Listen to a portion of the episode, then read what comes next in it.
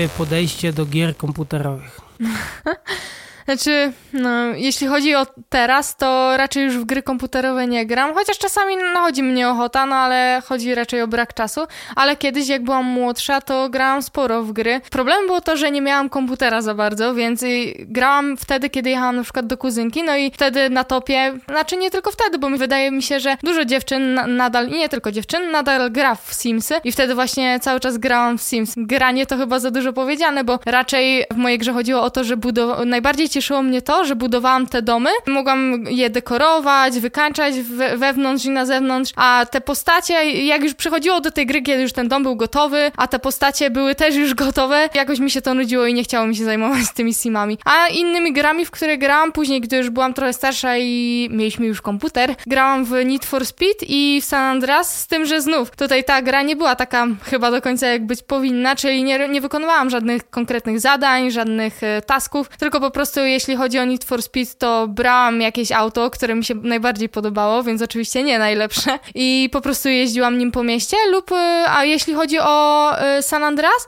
to brałam główną postać i chodziłam na miasto, wywalałam ludzi z aut i jeździłam również tymi autami, więc raczej jeśli mnie było już stać, to kupowałam domy, to znów to samo, także... Ale wpisywałaś kody, czy grałaś jednak tymi simami? Na początku starałam się nie wpisywać, ale potem, gdy się dowiedziałam, że w ogóle istnieje możliwość wpisywania kodów, no to jak najbardziej wpisywałam te kody, no bo chciałam im zrobić jak najlepszy dom. Czasami sobie pomyślałam, o nie, teraz stworzę jedną postać i jej zbuduję taki mały domek i będę ją rozwijać i rozwijać, ale szczerze mówiąc szybko mi się to nudziło, bo ogólnie nawet jak grałam w gry, no to nawet jak grałam w te Simsy, to nie było tak, że ja siedziałam nad tym godzinami i te, tylko na przykład było tak, że przez 2-3 dni tak siedziałam naprawdę długo i się wkręcałam w to, robiłam te domy i tak dalej, a później mi po prostu ta chęć na, na grę gdzieś tam mijała i po prostu to tak zostawiałam, więc te kody dużo u mnie zmieniły, mogłam po prostu rozwijać te domy tak, jak naprawdę chciałam. Rozumiem, a grałaś kiedyś w first person shooter? No nie, strzelanki to na pewno nie jest moja mocna strona. Pamiętam, jak moi bracia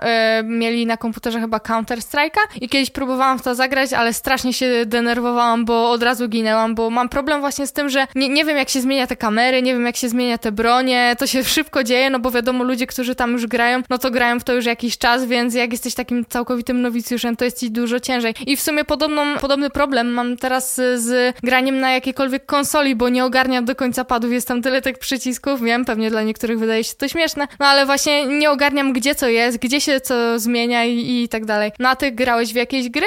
Rozumiem, że grałeś też w jakieś strzelanki, skoro o to pytasz. Znaczy, no ja jestem strasznie słaby w strzelanki, nie idzie mi to zbyt dobrze. Jeśli chodzi o gry, to grałem w gry sportowe, głównie w FIFA albo właśnie, nie wiem, w Need for Speeda czy w Colina McRae. Natomiast grałem głównie rekreacyjnie i nigdy nie na jakimś wysokim poziomie trudności właśnie po to, żeby się zbytnio nie ekscytować, ale czemu w ogóle pytam o first person shooter? Od jakiegoś czasu w mediach mówi się o tym, że Microsoft chce kupić Activision Blizzard, twórcę takich gier jak Call of Duty między innymi, za niebagatelną sumę 69 miliardów dolarów. Od tego czasu ten proces idzie im dosyć średnio, gdyż całą sprawą zainteresowało się w Ameryce FTC, czyli Federal Trading Commission, na czele z Liną Khan, którzy jakby za cel sobie obrali, że nie chcą, aby ta transakcja doszła do skutku, gdyż Microsoft wtedy będzie posiadał monopol również na rynku gier. Tak, tylko z tego co wiemy, FTC właśnie tak podaje, że mm, walczą o to, aby tego monopolu nie było, ale y, Microsoft mm, broni się tym, że tak naprawdę monopol w tym przypadku, jeśli chodzi o rynek gier, ma Sony, bo Sony y, posiada ponad połowę, jest producentem ponad połowy gier, jeśli tak to mogę określić, bo pierwszy y, na pierwszym miejscu właśnie jest Sony, potem jest Nintendo, a dopiero później jest Microsoft i nawet jeśli oni przejmą ten Activision Blizzard, to i tak nie będą mieć tego monopolu,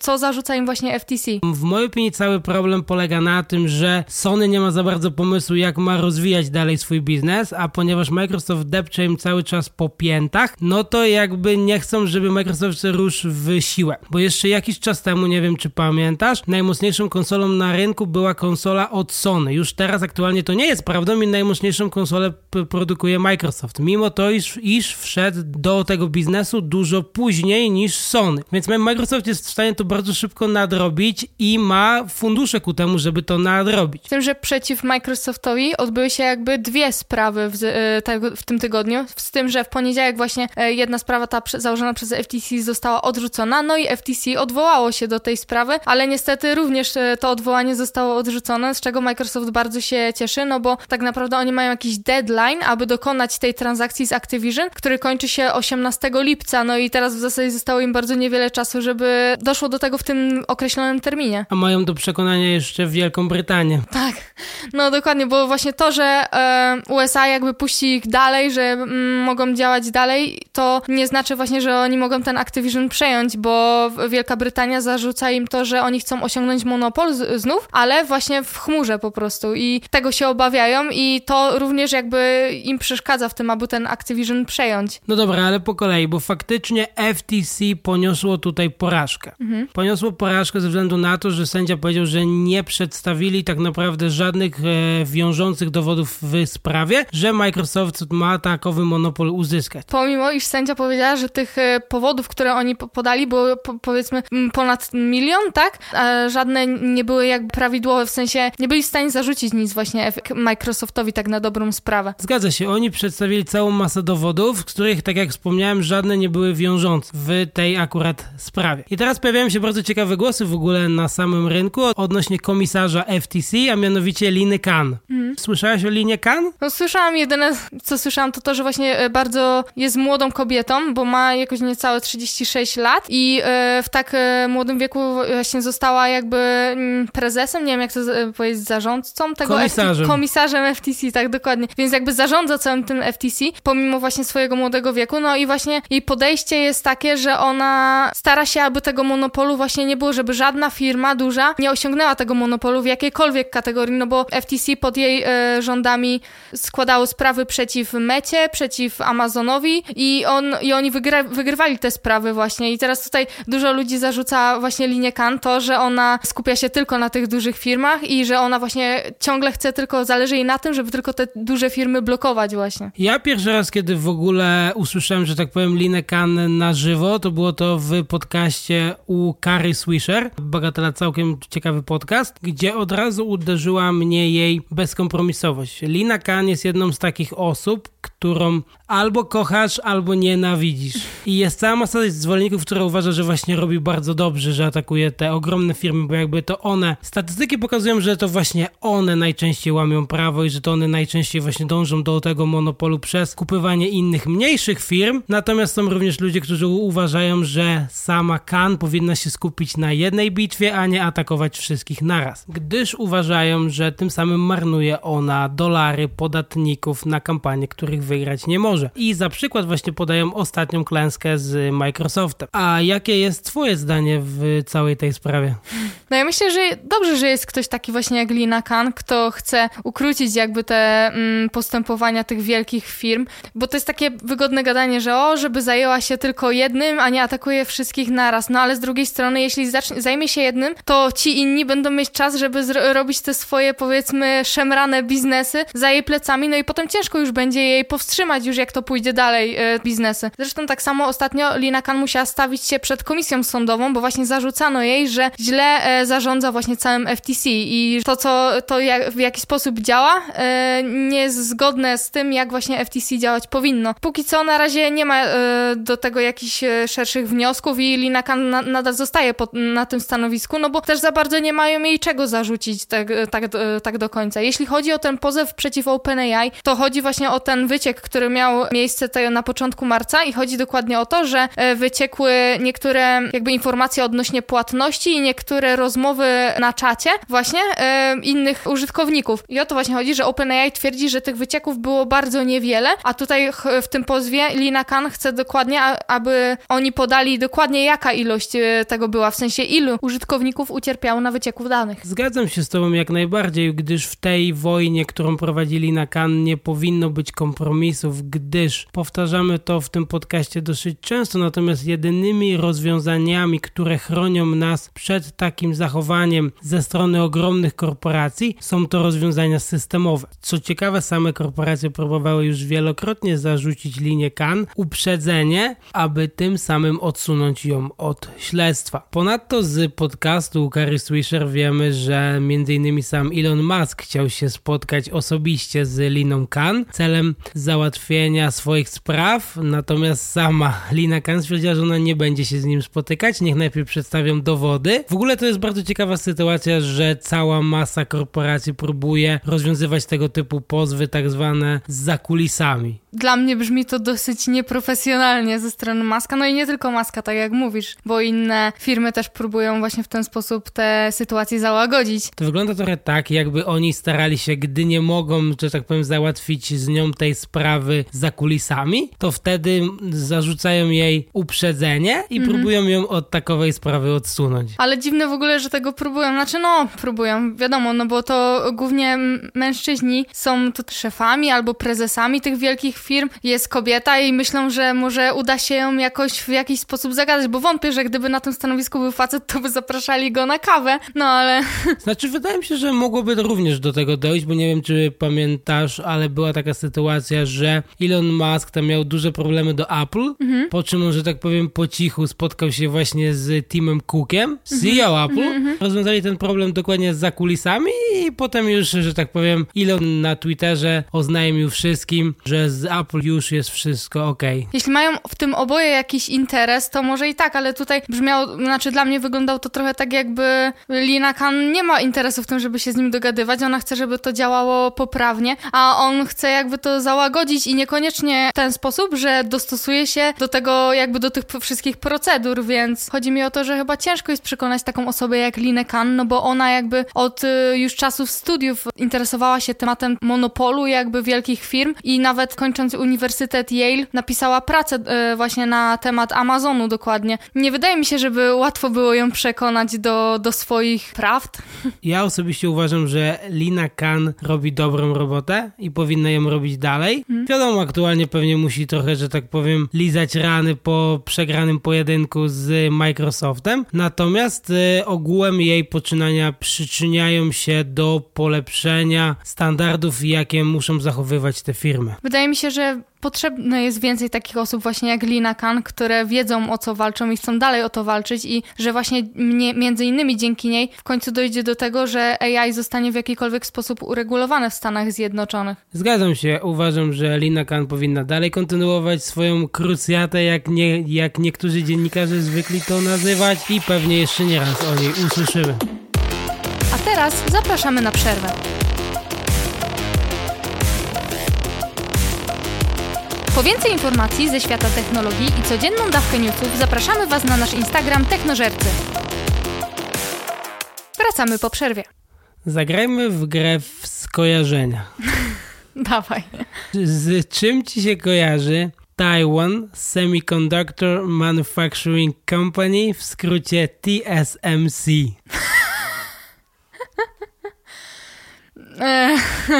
z czym mi się kojarzy? To firma, która robi chipy, tak? To jeśli firma robi chipy, no to chipy kojarzą mi się z urządzeniami e, elektronicznymi, powiedzmy no z telefonem, no. Zgadza się. TSMC produkuje półprzewodniki mhm. do produkcji telefonów komórkowych. Co ciekawe, zasły, słyną z tego, że potrafią zrobić najmniejsze tranzystory na świecie i tutaj ciekawostka. E, maszyny potrzebne do produkcji takich tranzystorów mhm. produkuje w Holandii firma o nazwie ASML i jest to jedyna taka firma na całym świecie. No to tego akurat nie wiedziałam. Mówię o TSMC, coś tam wiedziałam, ale o, o tym, że te maszyny, które produkują te najmniejsze tranzystory, yy, nie wiedziałam, że ta firma pochodzi z Holandii. No? I co ciekawe, to nawiązuje się wtedy współpracę z ASML, bo to nie jest tak, że są to na tyle zaawansowane urządzenia, mhm. że potrzebujesz cały czas, tak naprawdę technik ASML musi jechać do miejsca, miejsca, gdzie będzie stało to urządzenie, Mhm. musi je monitorować, konserwować, bo jeżeli coś pójdzie nie tak, są to bardzo drogie maszyny, bardzo precyzyjne maszyny Mhm. i co ciekawe, gdy coś się zepsuje, nie jest potem je tak prosto naprawić. Dlatego kupujesz wieloletni support na cały okres użytkowania tej maszyny od firmy ASML. Właśnie chciałam zapytać, czy jeśli właśnie taka firma kupuje tą maszynę, to w zasadzie dostaje pracownika w gratisie? No bo nie rozumiem. No nie w gratisie, musi za niego zapłacić. No tak, no ale nie da się tak łatwo wyszkolić takiego pracownika i o, tylko oni ich e, jakby od razu polecają. W sensie na przykład jak kupujesz tą maszynę w Holandii, no oni już jakby od razu oferują tego człowieka, który się będzie zajmował tą maszyną, tak? No bo nie da się tak na przykład, że nie wiem, właśnie Tajwan kupuje, czy tam właśnie TSMC e, kupuje właśnie tą maszynę i oni mówią, dobra, to my weźmiemy jednego naszego pracownika, proszę go nauczyć i on będzie się tą maszyną zajmował. To tak nie działa, tak? Znaczy w przypadku TSMC jest na tyle zaawansowane, że ich kontrakt działa troszeczkę inaczej. Natomiast faktycznie na etapie składania zamówienia o takowe urządzenie, firma ASML pyta się, czy dadzą technicznie radę taką, mas- taką maszynę konserwować. No a właśnie mam pytanie, no bo y, mówisz, że tylko ta firma w Holandii produkuje te maszyny, które tworzą te najmniejsze tranzystory. No ale to tylko TSMC ma dostęp do tych maszyn? W sensie jakby Holandia produkuje te maszyny tylko dla nich? No bo wiemy, że je, y, takie chipy produkuje też na przykład Samsung czy Intel, no ale oni nie, nie, nie produkują tych małych tranzystorów, tak? W sensie produkują tranzystory, ale nie są to najmniejsze Mhm, tranzystory na świecie. Jakby przepis na te najmniejsze tranzystory zostaje, jest To jest taka sekretem- sekretna receptura. Dokładnie, jest to sekretna formuła TSMC. Mhm. Sam nawet y, Samsung, jakby chcąc, nie chcąc, jeżeli coś musi być dużo bardziej wydajne, to bez tych tranzystorów nie da się obejść. No i wtedy jest, jest I tak muszą się zgłosić do TSMC. dokładnie, Okej. każda firma jest zmuszona wejść z nimi wtedy w współpracę. Jeżeli chodzi o możliwość kupna takich urządzeń, to też sprawa jest bardzo ograniczona, dlatego że to ASML decyduje, komu to będzie sprzedawać, a komu nie. I między innymi dlatego podczas ostatniej wizyty Bidena on był w Holandii po to, żeby nakłonić ASML, żeby nie sprzedawała takowych urządzeń do Chin, bo jak już wiemy wcześniej, jest wojna na rynku chipów pomiędzy Chinami a Stanami Zjednoczonymi. To tak a propos tego monopolu, o którym wspominaliśmy we wcześniejszym temacie. Dokładnie, ludziom się, ludziom się wydaje cały czas, że produkcja urządzeń elektronicznych jest dużo bardziej zdecentralizowana, podczas gdy tak naprawdę widzimy, że jeżeli chcemy wyprodukować chip najwyższych lotów, to tak naprawdę musimy I tak nie mam za bardzo wyboru. Dokładnie. I musimy podpisać współpracę albo z TSMC, albo z ASML. Nie ma innego wyjścia.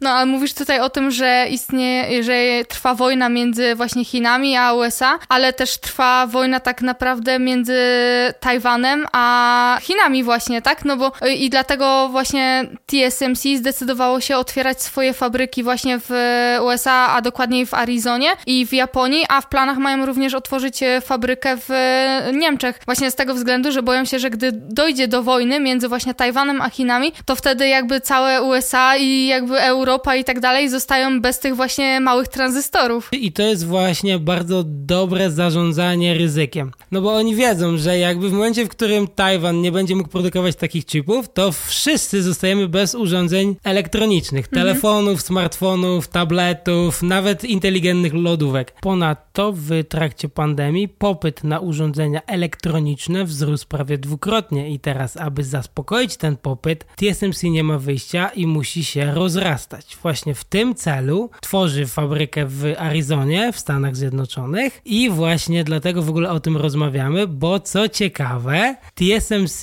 produkuje chipy dla wielu znanych marek, innymi dla Apple. I teraz, żeby schematy takowych procesorów nie wyciekły, TSMC ma bardzo zaostrzone polityki bezpieczeństwa, co wolno, a czego nie wolno pracownikom. Właśnie produkcja e, tych chipów w Arizonie ma ruszyć dopiero w 2024 roku. Już TSMC zatrudnia około 12 tysięcy właśnie pracowników w Arizonie i teraz, żeby ich przeszkolić, e, to mniej więcej około połowa pojechała na szkolenie do Tajwanu i gdy się dowiedzieli, jak y, praca właśnie w tych fabrykach wygląda, jakie są restrykcje ry- i rygorystyczne podejście właśnie e, odnośnie prywatności, zaczęli zgłaszać sprzeciw i tutaj teraz TSMC musi się trochę dopasować właśnie do tych nowych pracowników właśnie z Arizony i trochę te jakby swoje wymagania i to bezpieczeństwo obniżyć właśnie, bo inaczej nie będzie miał kto po prostu dla nich pracować, bo e, ludzie z Arizony czy okolic nie są przyzwyczajeni właśnie do tak rygorystycznych e, zasad. Zgadza się. Co ciekawe, trzeba jeszcze wspomnieć fakt, że mimo to, iż część personelu pojechała się szkolić do Tajwanu, to oni i tak nie są w stanie na rynku amerykańskim znaleźć odpowiedniej liczby wykwalifikowanego personelu, przez co teraz będzie ogromna szansa dla ludzi z Tajwanu, żeby pojechać w roli eksperta do tych fabryk w Arizonie i tam tych ludzi nauczać. Tak jak mówisz, to jest właśnie wielka szansa dla ludzi z Tajwanu, jeśli chcą właśnie się mm, przenieść do, do USA, zaznać tego innego życia, no to teraz mają na to jakby odpowiedni, jest na to odpowiedni moment. No i cho jeśli chodzi o te zasady bezpieczeństwa, to jeśli sobie myślicie, o idziecie do pracy, macie swój telefon, na przerwie sobie z niego korzystacie, jakby nie ma problemu, to tam właśnie wygląda to całkowicie inaczej. E, wygląda to mniej więcej tak, że swojego telefonu w ogóle na teren TSMC nie można wnieść. Korzystacie tylko z telefonu, który zapewnia wam firma, ale aplikacje, które są w tym telefonie są bardzo, bardzo uszczuplone, że tak to nazwę. Nie ma dostępu do wszystkiego, czego byście chcieli. Ponadto nie można nosić żadnych smartwatchy, e, nie można do nikogo dzwonić w trakcie pracy właśnie z tego służbowego telefonu. Przed wejściem e, i po wyjściu z pracy jesteście sprawdzani, przechodzicie przez bramki. E, jeśli potrzebne są jakieś dokumenty, nawet wewnątrz właśnie waszej pracy, te kartki, na których te dane są napisane, one są namagnesowane i nie ma w ogóle żadnej możliwości, żebyście taką kartkę z jakimikolwiek danymi wynieśli poza teren swojej pracy. Zgadza się. Ponadto cała wasza aktywność w sieci jest monitorowana przez urządzenia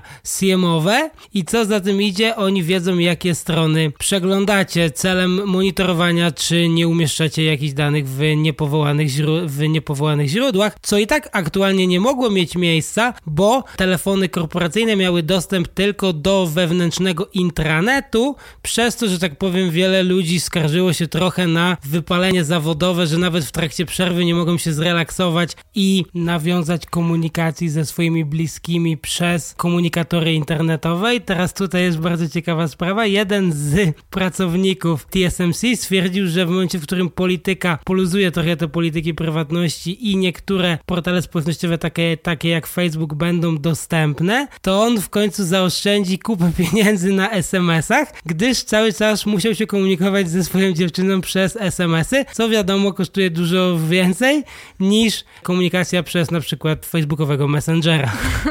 I tak dobrze, że w ogóle mógł się z nią komunikować w jakiś sposób. Poza tym właśnie jednym z takich obostrzeń było to, że e, nawet aparat nie mógł działać, e, w, nawet na tym firmowym telefonie i gdy na przykład oni musieli zrobić zdjęcie czemuś, bo nie wiem, bo coś nie działało, chcieli złożyć jakąś reklamację, to musieli prosić o dostęp do jakiegoś takiego zwykłego aparatu, a jeśli ktoś inny już go używał w tym czasie, no to musieli czekać, aż ten aparat się zwolni, więc e, no to stwarzało dużo utrudnień. No i teraz e, właśnie przez to, że za bardzo nie mają wyboru, muszą wybrać to mniejsze zło, no bo albo, albo poluzują trochę te e, zasady, albo nie będą mieć pracowników, no to e, stwierdzili, że zezwolą właśnie na, u, na to, aby pracownicy nosili swoje telefony i e, smartwatche, ale mm, z zastrzeżeniem tego, że zawsze musi być wyłączone nagrywanie na nich, żeby właśnie nie doszło do takiego czegoś, że, że te dane, jakiekolwiek one by nie były, e, w, w żaden sposób nie wyciekną, no bo tak jak mówimy, jest to mm, sekretna receptura, no i oni się bardzo obawiają tego, aby e, to się nie stało. Tym bardziej, że kiedyś e, w poprzednich latach mieli już jeden, e, jeden na pewno, jeden mi znany problem, że jeden z pracowników, który miał się jakby właśnie przenosić gdzie indziej, miał się zwolnić, to zanim to zrobił, wydrukował sobie ważne informacje i potem przeniósł się do, do konkurencji i tam używał nie, tych informacji, które zdobył w poprzedniej firmie. Oczywiście doszli do tego, ten pan został skazany na 5 lat więzienia, z tego co, co wiem. Mi się wydaje, że dlatego właśnie oni tak, tak wysoko stawiają to bezpieczeństwo. Wspomniałeś o robieniu zdjęć i oczywiście to, co powiedziałeś jest, jest prawdą, natomiast mnie bardzo zaciekawił kolejny fakt, że e, istniała możliwość zrobienia zdjęcia korporacyjnym telefonem komórkowym, natomiast musiałeś przejść specjalne szkolenie Tak, tak, musiałeś przejść specjalne szkolenie mm. i mogłeś zrobić zdjęcie tym telefonem komórkowym tylko przez specjalnie do tego dedykowaną witrynę internetową. Po zrobieniu takiego zdjęcia zespół bezpieczeństwa weryfikował, czy to, co zrobiłeś, nie zawiera niczego niepowołanego. No, i... Czy tam w tle nie ma uchwyconych jakichś, no, rozumiem. Zgadza się. I dopiero wtedy musiałeś czekać, aż oni to przetworzą i ściągnąć sobie to zdjęcie na korporacyjny telefon celem tam złożenia reklamacji czy czegokolwiek. Są to dosyć rygorystyczne praktyki. Tak jak ja y, kiedyś tobie opowiadałam, że gdy pracowałam właśnie w y, tej e, sieciówce odzieżowej i mówiłam ci, że o, że my to w sumie nie mogliśmy też korzystać ze swoich telefonów, że musieliśmy je mieć na magazynie i tylko na przerwie, czy tam gdy szłyśmy się napić wody, mogłyśmy tam korzystać z telefonu, a ty mówisz, że mm, to jest dziwne, no bo jak sam chodziłeś na zakupy, czy no we Wrocławiu, w galerii, to mówiłeś sam, że w zasadzie to wszystkie sprzedawczynie miały ten telefon zawsze przy sobie i z nich korzystały, więc dla nas już te e, praktyki wydawały się wtedy rygorystyczne, ale no umówmy się, to nie było na taką skalę.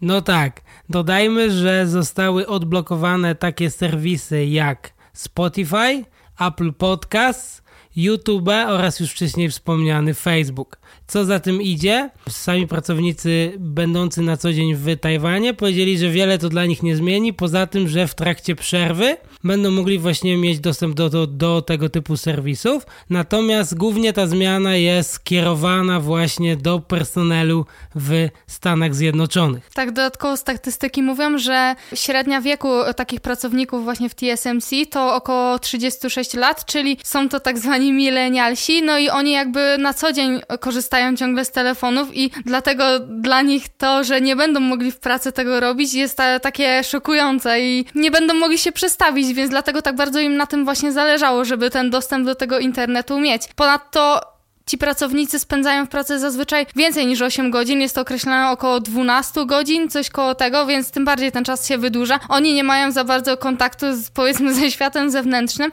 i wielu też pracowników, jeśli ma do wyboru pracę w, właśnie w TSMC albo w innych firmach y, zajmujących się tym samym, czyli tworzeniem półprzewodników czy chipów, to często wybiera te inne firmy, na przykład na Tajwanie, oprócz właśnie TSMC, taką drugą firmą jest chyba Mediatek, jeśli się nie mylę, i wielu pracowników woli właśnie właśnie przechodzić do tej konkurencji z tego względu, że istnieje tam lepszy balans między właśnie pracą a życiem prywatnym i y, pracuje się y, te, te 8 godzin na przykład normalnie i masz czas po prostu na to swoje życie, więc to przynosi wiele plusów i ja nie dziwię się, że jeśli mają taką opcję, no to wybierają tą korzystniejszą dla nich, tak? Zgadza się. Dodajmy jeszcze fakt, że to, że TSMC zdecydowało się na otworzenie tych witryn internetowych, to głównie za sprawą tego, że dzisiaj są narzędzia monitorujące aktywność sieciową, więc oni dalej będą w stanie monitorować bardzo aktywnie, co ci ludzie wrzucają do się na portale społecznościowe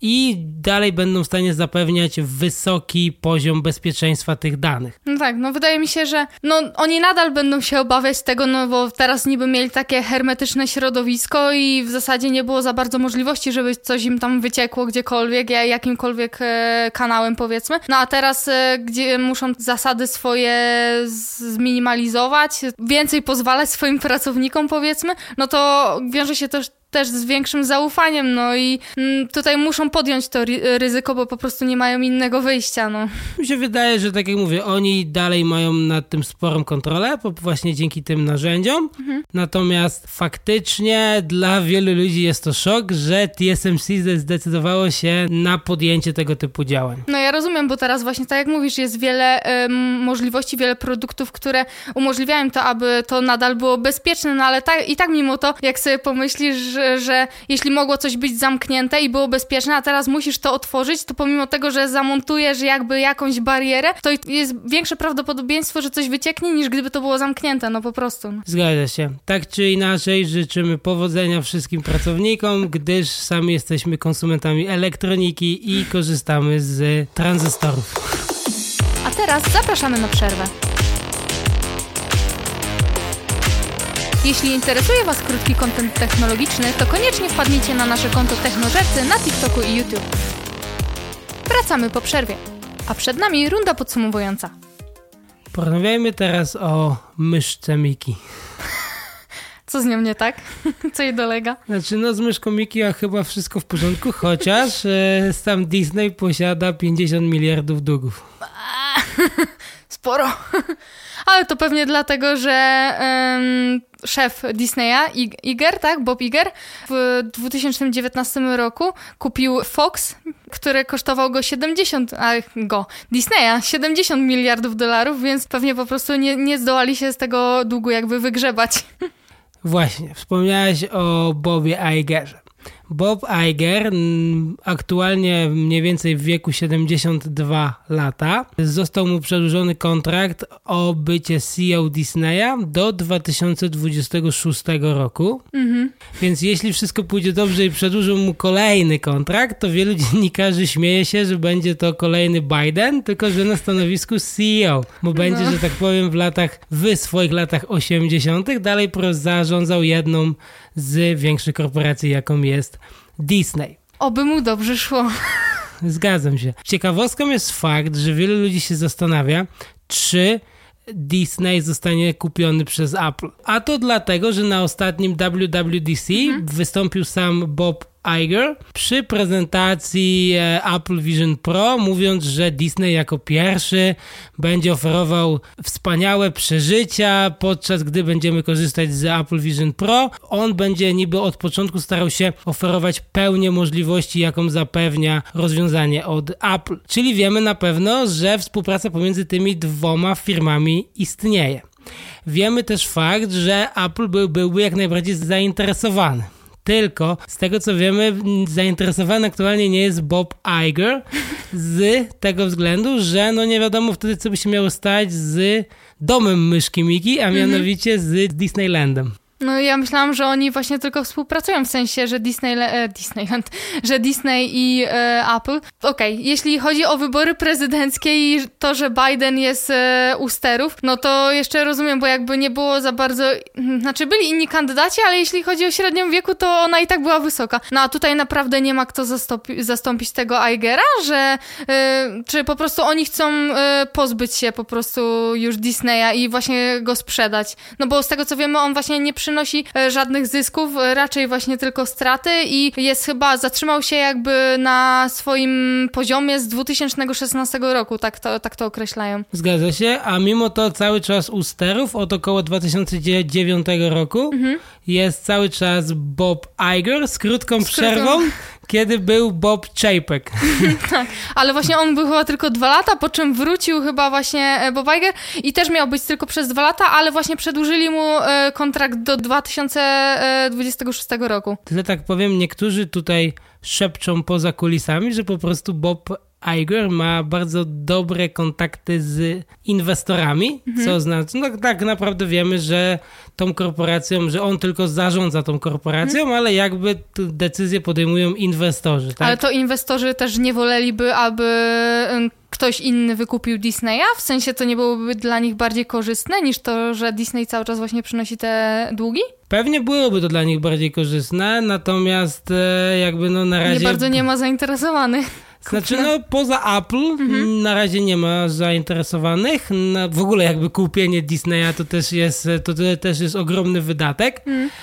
Apple nie powinno z tym mieć problemu. Ostatnie doniesienia dały nam znać, że Apple przekroczyło 3 biliony dolarów w mhm. wartości. Znowu, bo już kiedyś e, przekroczyło, ale potem spadło, teraz znowu wróciło. Mhm. Czyli, że tak powiem, Apple aktualnie jest na fali, więc na, na taki zakup mogłoby sobie pozwolić. No właśnie, tylko co wtedy z tym tym Disneylandem całym. No na pewno myślę, mi się wydaje, że gdyby dało się to podzielić, a na pewno się da, to ktoś i tak by się znalazł, kto by chciał, chciał to kupić. Ale w międzyczasie Disney stara się obniżać swój dług, mi się wydaje w nie do końca rozsądny sposób, bo stwierdzili, że obniżą swój dług o 5,5 miliarda dolarów poprzez zwolnienie 7 tysięcy pracowników. Także w porównaniu do tych 50 miliardów, gdzie nadal są na minusie, to wydaje się być trochę mało. Nie, no zgadza się. Jakby wielu ludzi za, zarzuca obu bobom bardzo kontrowersyjne prowadzenie Disneya. Mhm. Natomiast no nie da się ukryć e, samego faktu, że na pewno współpraca z Apple wyjdzie im na plus. No, zobaczymy, jak to dalej się rozwinie i czy Disney nadal pozostanie Disneyem, czy może będzie to nie, Apple Disney, nie wiem, Disney Apple. Zgadza się, będziemy Was informować na bieżąco, czy myszka Miki zachowa swój dom, czy będzie musiała go sprzedać. czy może zamieszka w nadgryzionym jabłuszku. To już wszystko. Już teraz zapraszamy Was na kolejny odcinek podcastu. Dziękujemy, że byliście z nami do końca. Jeśli subskrybujesz już ten podcast, to Twój pracodawca wprowadził właśnie owocowe czwartki i czterodniowy tydzień pracy. A jeśli nie, to musisz w tym miesiącu zostać na nieplanowane nadgodziny. Koniecznie podzielcie się z nami swoimi przemyśleniami na temat polityki prowadzonej przez Linnę Kan. Czekamy na Wasze maile pod adresem feedback małpa technozercy.xyz. Zapraszamy Was na nasz Instagram, TikToka i YouTube. Dziękujemy Wam za każdą otrzymaną opinię i feedback. Do usłyszenia!